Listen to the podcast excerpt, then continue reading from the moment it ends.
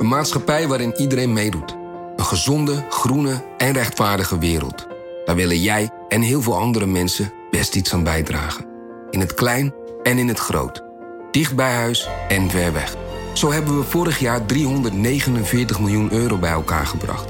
Miljoenen waarmee onze goede doelenpartners de wereld elke dag een beetje beter kunnen maken. Nationale Postcode Loterij. Samen voor een betere wereld.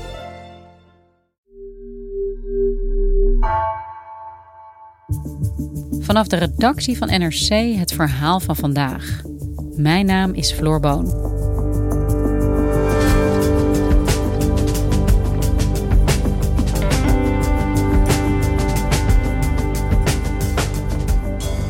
Na bijna 13 jaar premierschap kondigde Mark Rutte gisteren aan dat hij geen lijsttrekker meer is bij de volgende verkiezingen en dat hij de politiek verlaat.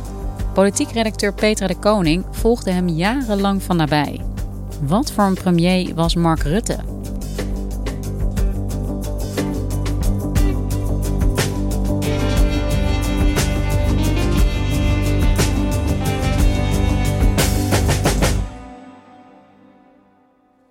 Er is de afgelopen dagen gespeculeerd over wat mij zou motiveren. En het enige antwoord is Nederland. Mijn positie daaraan is volstrekt ongeschikt. Gisterochtend heb ik het besluit genomen dat ik niet opnieuw beschikbaar ben als lijsttrekker van de VVD. Bij het aantreden na de verkiezingen van een nieuw kabinet zal ik de politiek verlaten. En ik heb gistermiddag mijn partijvoorzitter en fractievoorzitters daarvan op de hoogte gesteld. Ja, jeetje Petra. Gisterochtend maakte Mark Rutte bekend dat hij stopt als premier. Dat hij de politiek zal verlaten straks als er een nieuw kabinet is. Mhm.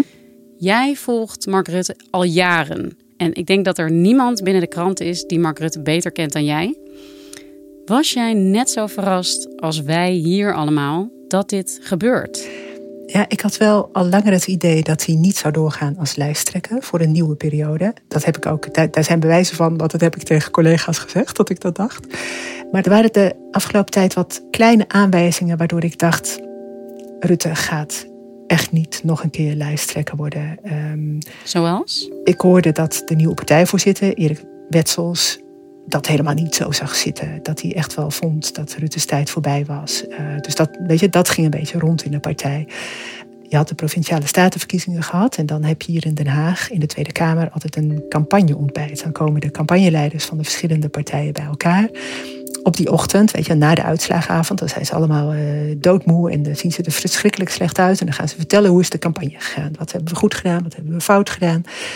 En de campagneleider van de VVD, Thierry Aartsen, die gaf toen antwoord op de vraag of Rutte de volgende lijsttrekker zou worden. En toen zei hij, nou, dan moet Mark eerst zelf bedenken of hij dat wil. En dan moet de partij nog eens bedenken of ze dat gaan bedenken of ze dat wel willen. En dat klonk helemaal niet positief. En er zijn in die 13 jaar dat hij nu premier is, best veel momenten geweest waarop hij ook al had kunnen vertrekken. Maar het is nooit gebeurd. Hij heeft eerst een record van langzittende premier kunnen afmaken. Dat was vorig jaar zomer. En ik denk niet dat iemand hem nog snel zal gaan inhalen. Nee, ja, je zegt het al, hè? de langstzittende premier van Nederland. 13 jaar lang is echt ongelooflijk lang. Uh, hij zit nog veel langer in de politiek. Jij hebt een boek over hem geschreven. Je hebt hem heel erg veel gevolgd. Kun je ons eens meenemen in die carrière van Mark Rutte? Waar begon voor hem de politiek? Op de middelbare school, toen hij een jaar of twaalf was. Uh, hij zat op het Mailand Lyceum in Den Haag. En daar speelde hij toen al politieke interviews na, samen met zijn beste vriend Lodewijk Dekker. Echt urenlang. Um, dat was Rutte de premier, Lodewijk Dekker was de journalist. En ze hebben ook al uh, uh, gespeeld dat dan de premier zou aftreden. Dus wat vandaag gebeurde, dat hebben ze ook in de schoolbanken al zitten oefenen. Hij las heel veel politieke biografieën. Hij werd al heel jong lid van de VVD. Hij was voorzitter van het hoofdbestuur van de JOVD toen hij studeerde. Hij studeerde geschiedenis. Hij kijkt verkiezingscampagnes van Amerikaanse presidenten terug. Ehm, maar hij kijkt ook soms uitvaarten terug van Russische leiders. Weet je, ook als die twaalf uur duren, dan kijkt hij van het begin tot het eind. En die zijn dan in het Russisch, dus hij kan er geen woord van verstaan. Het is een, uh, een politieke junk. Ja, dat is duidelijk in al deze voorbeelden die je geeft. En dan komt hij op een gegeven moment bij de VVD terecht. Wanneer is dat? Nou, ook al in zijn studietijd hoor. Hij liep daar wel de deur plat. Hij zat in de, de, redactie van een blad dat de VVD uitgaf. Hij kende daar iedereen. Hij kwam overal. Hij heeft in het hoofdbestuur gezeten van de VVD. En hij is ook al heel jong staatssecretaris geworden. Eerst van Sociale Zaken en daarna van Onderwijs. Dus het was een bekende VVD'er. En in 2006 dan is hij kandidaat lijsttrekker. Dan doet hij mee aan de lijsttrekkersverkiezing eh, tegenover Rita Verdonk. En hij werd gezien als iemand die de VVD echt door en door kende. En VVD is vooral uit, uit het bestuur en daaromheen en zo, het VVD-kader, die zagen haar meer als een platte populist, geen echte VVD. Ze was ook niet zo lang lid als hij, ze kende de partij eigenlijk nauwelijks. En misschien was zij bij de, dat, dat kwam ook uit peilingen, dat ze bij de achterban van de VVD populairder was dan Rutte. Maar de leden mochten kiezen.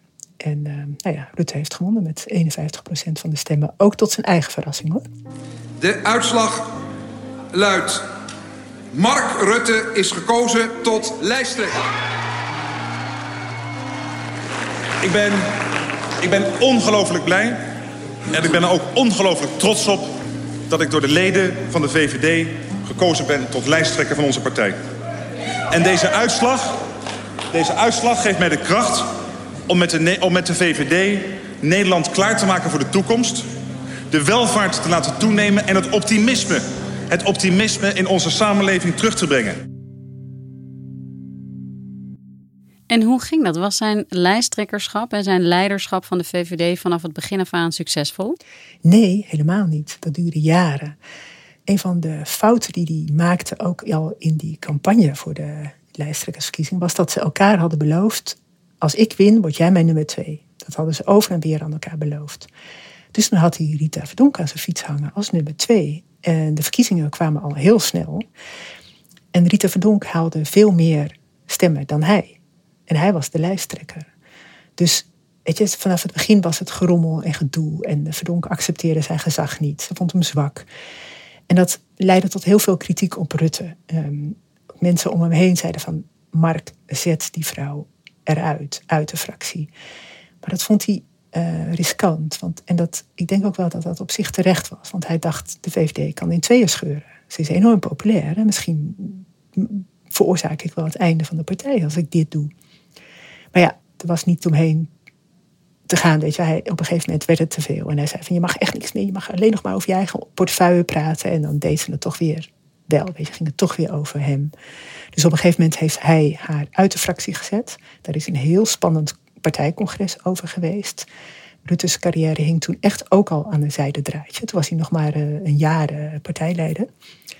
Maar dat was niet het enige hoor, wat hij fout deed toen uh, die inschatting over Rita Verdonk. Ehm, hij bleef wel fouten maken. En VVD'ers om hem heen zagen dat hij niet goed leek te begrijpen waar het bij hun kiezers om draaide. Weet je wel, geld verdienen, je eigen huis, auto.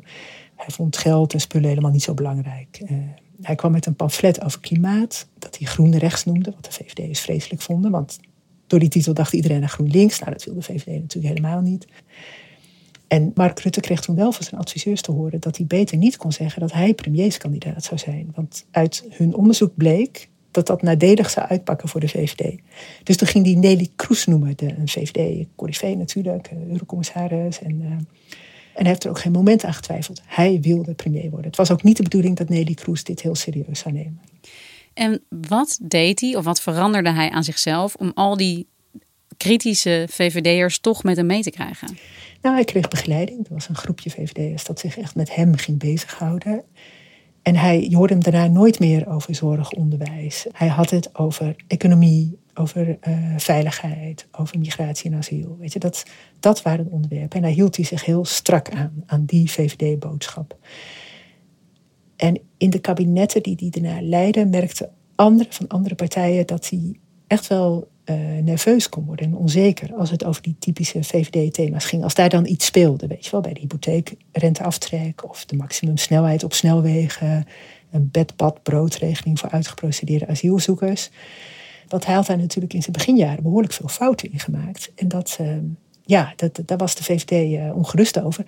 Je merkte ook dat de VVD top het lang niet altijd hem toevertrouwde. Want hij was enorm flexibel. Weet je. Hij, kon, uh, hij kon alle kanten op. Hij regeerde ook net zo makkelijk met links als met rechts. En hij zocht altijd naar oplossingen om zijn kabinet overeind te houden. En soms vonden VVD'ers dat hij daar veel te veel in toegaf. En er waren ook, ook wel gewoon VVD-kiezers, en in de loop van de jaren steeds meer, die vonden dat de VVD kleur aan het verliezen was daardoor. Weet je, als je dan weer met de ene partij, dan weer met de andere partij. En Rutte kon dat echt. Ja, want Petra, kan jij eens even kort schetsen wat voor soort premier Rutte was in die eerste drie kabinetten eigenlijk? Dus tussen 2010 en 2021. Het waren drie heel ingewikkelde kabinetten, zijn eerste drie. Maar Rutte was wel altijd vrolijk opgewekt, sloot deeltjes met de een naar de ander.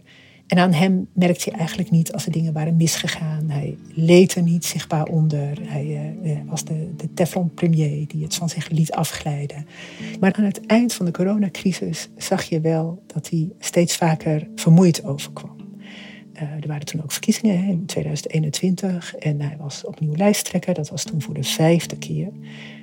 Hij zei steeds maar weer dat hij zoveel energie had en zoveel ideeën en hij had er nog zoveel zin in. En hij moest het zo vaak zeggen dat ik soms echt wel dacht: wat, wat ben je nu aan het overschreeuwen? Terwijl hij er tegelijk ook heel moe uitzag. Het was ook een hele zware tijd, de coronacrisis. En nou ja, op een gegeven moment kreeg je ook wel dat hij op een persconferentie zei dat de vorige persconferentie ging het niet zo heel goed. Had ik, dat ik dingen niet zo moeten zeggen, maar ik was ook wel heel erg moe. Nou, dat was onvoorstelbaar in de begintijd van Rutte. Ja, Rutte en dit kabinet sleepten wel een paar hele grote dossiers met zich mee. Hè. Ik bedoel, omwille van de toeslagenaffaire was het kabinet Rutte 3 opgestapt. Uh, we hebben het chronische gasdossier, uh, we hebben het stikstofdossier. Allemaal grote dossiers waarom die toch is blijven zitten verder. Ook in ieder geval als lijsttrekker. Nu is het kabinet gevallen op migratie, op de opvangcrisis in Nederland. Waarom is het dan nu wel gebeurd? Ja, de VVD is al heel lang een regeringspartij. En als je dan als grootste partij een, een coalitie gaat vormen, dan geef je over het algemeen wel veel weg van je idealen om de anderen erbij te houden. En toen kwam op een gegeven moment de spreidingswet van uh, staatssecretaris van Justitie Erik van den Burg, een VVD'er. Dat bracht uh, verzet op gang onder lokale VVD'ers, onder VVD-bestuurders. Die vonden dat, de overheid zich daar niet mee moest bemoeien.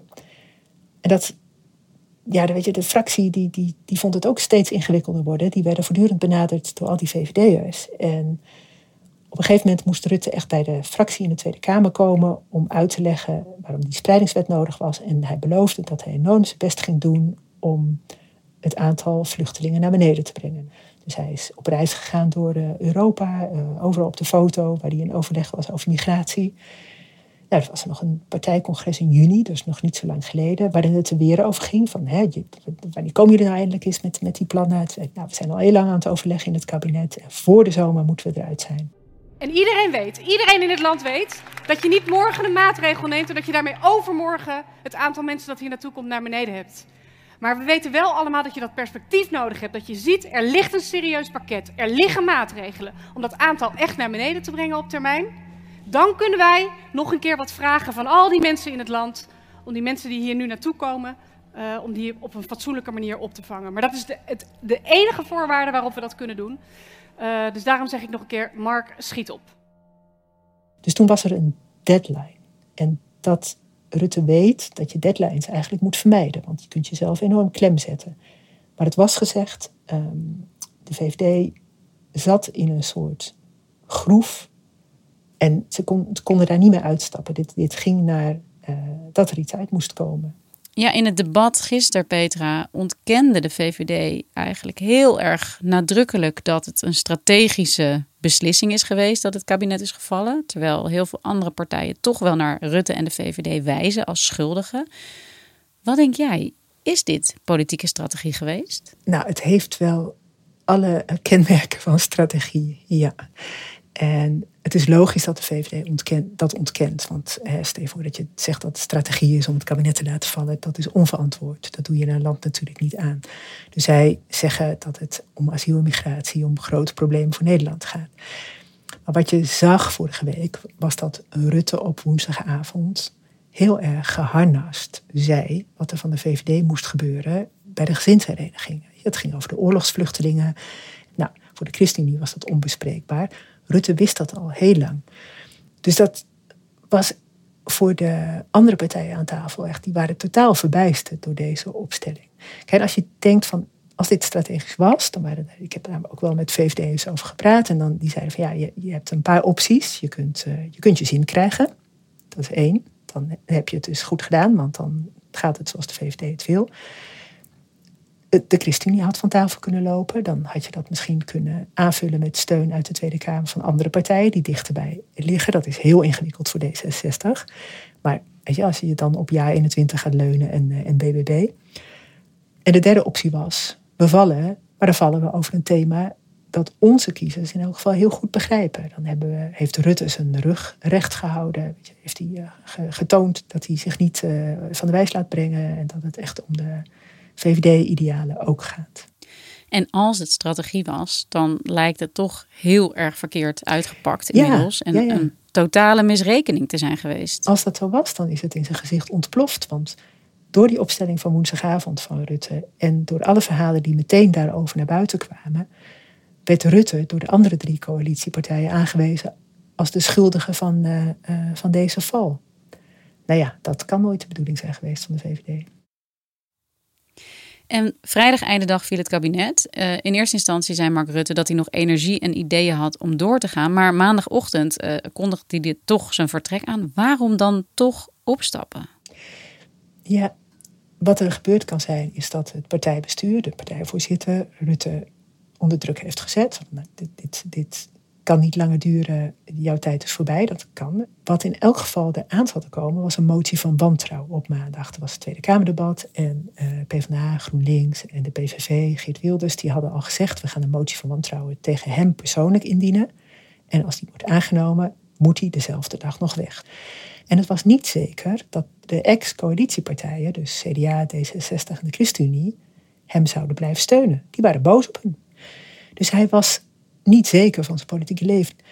Dus nu, in elk geval, is hij dat voor geweest door aan te kondigen dat hij niet meer de volgende lijsttrekker zal zijn. Dat hij de politiek verlaat op het moment dat er een nieuw kabinet is. Dus die motie van wantrouwen is niet ingediend. Maakt het nog uit wat er deze week verder gebeurt? Dat er bijvoorbeeld een belangrijke NAVO-top plaatsvindt? Ja, ja dat, uh, uh, die NAVO-top is er inderdaad. Die is er op dinsdag en woensdag. Als Rutte op maandag meteen had moeten aftreden, dan had hij daar niet naartoe gekund. Uh, want dan was hij gewoon een, een, ambteloos burger geweest. Nu kan hij er wel naartoe. Bij de NAVO gaat al een tijdje rond dat hij een perfecte kandidaat zou zijn om secretaris-generaal te worden. Jens Stoltenberg, die daar al eindeloos zit, wil ook al heel lang weg, maar ze kunnen geen geschikte opvolger uh, vinden. Joe Biden, de Amerikaanse president, um, vindt Rutte volgens uh, mensen die het weten kunnen echt een goede kandidaat. Dus nou ja, we gaan het zien. En ook al zegt Rutte dat hij het niet wil, en misschien wil hij het niet en gaat het nooit gebeuren, uh, hij kan ook niet zeggen dat hij het wel wil. Dat hoort gewoon niet in, de, in dat diplomatieke verkeer en dan, dan vergooi je je kansen. Iemand die, dat, die het echt wil worden, zegt dat hij het niet wil worden. Ja, hoe dan ook, uh, dit is het einde van een tijdperk voor Nederland. Uh, met het vertrek van Mark Rutte straks, wanneer dat dan ook precies zal zijn, um, ja, neemt Nederland afscheid van de langzittende premier. Hoe kijk jij daarnaar? Wat gaat dit betekenen voor de politiek in Nederland de komende tijd? Ja, dat is wel bijzonder. Er vertrekken veel mensen. Hè? Niet alleen Rutte, ook Bob Hoekstra van het CDA heeft aangekondigd dat hij weggaat. Het is de grote vraag of Sigrid Kaag van D66 nog zal blijven. Dus sowieso het politieke landschap verandert. En hij was inderdaad de langzittende premier van Nederland. Ik zie niet snel gebeuren dat iemand anders dat record nog uh, van hem overneemt. Want de omloopsnelheid voor politici is, is veel sneller dan vroeger. Dus ik ik zou me kunnen voorstellen dat Rutte dit record houdt.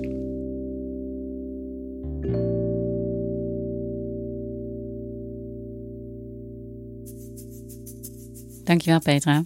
Graag gedaan.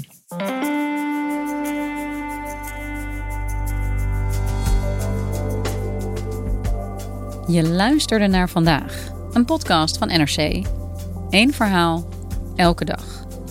Deze aflevering werd gemaakt door Mila Marie Bleeksma, Iris Verhulsdonk, Tessa Kolen en Ruben Pest. Coördinatie Mirjam van Zuidam. Dit was vandaag. Morgen weer.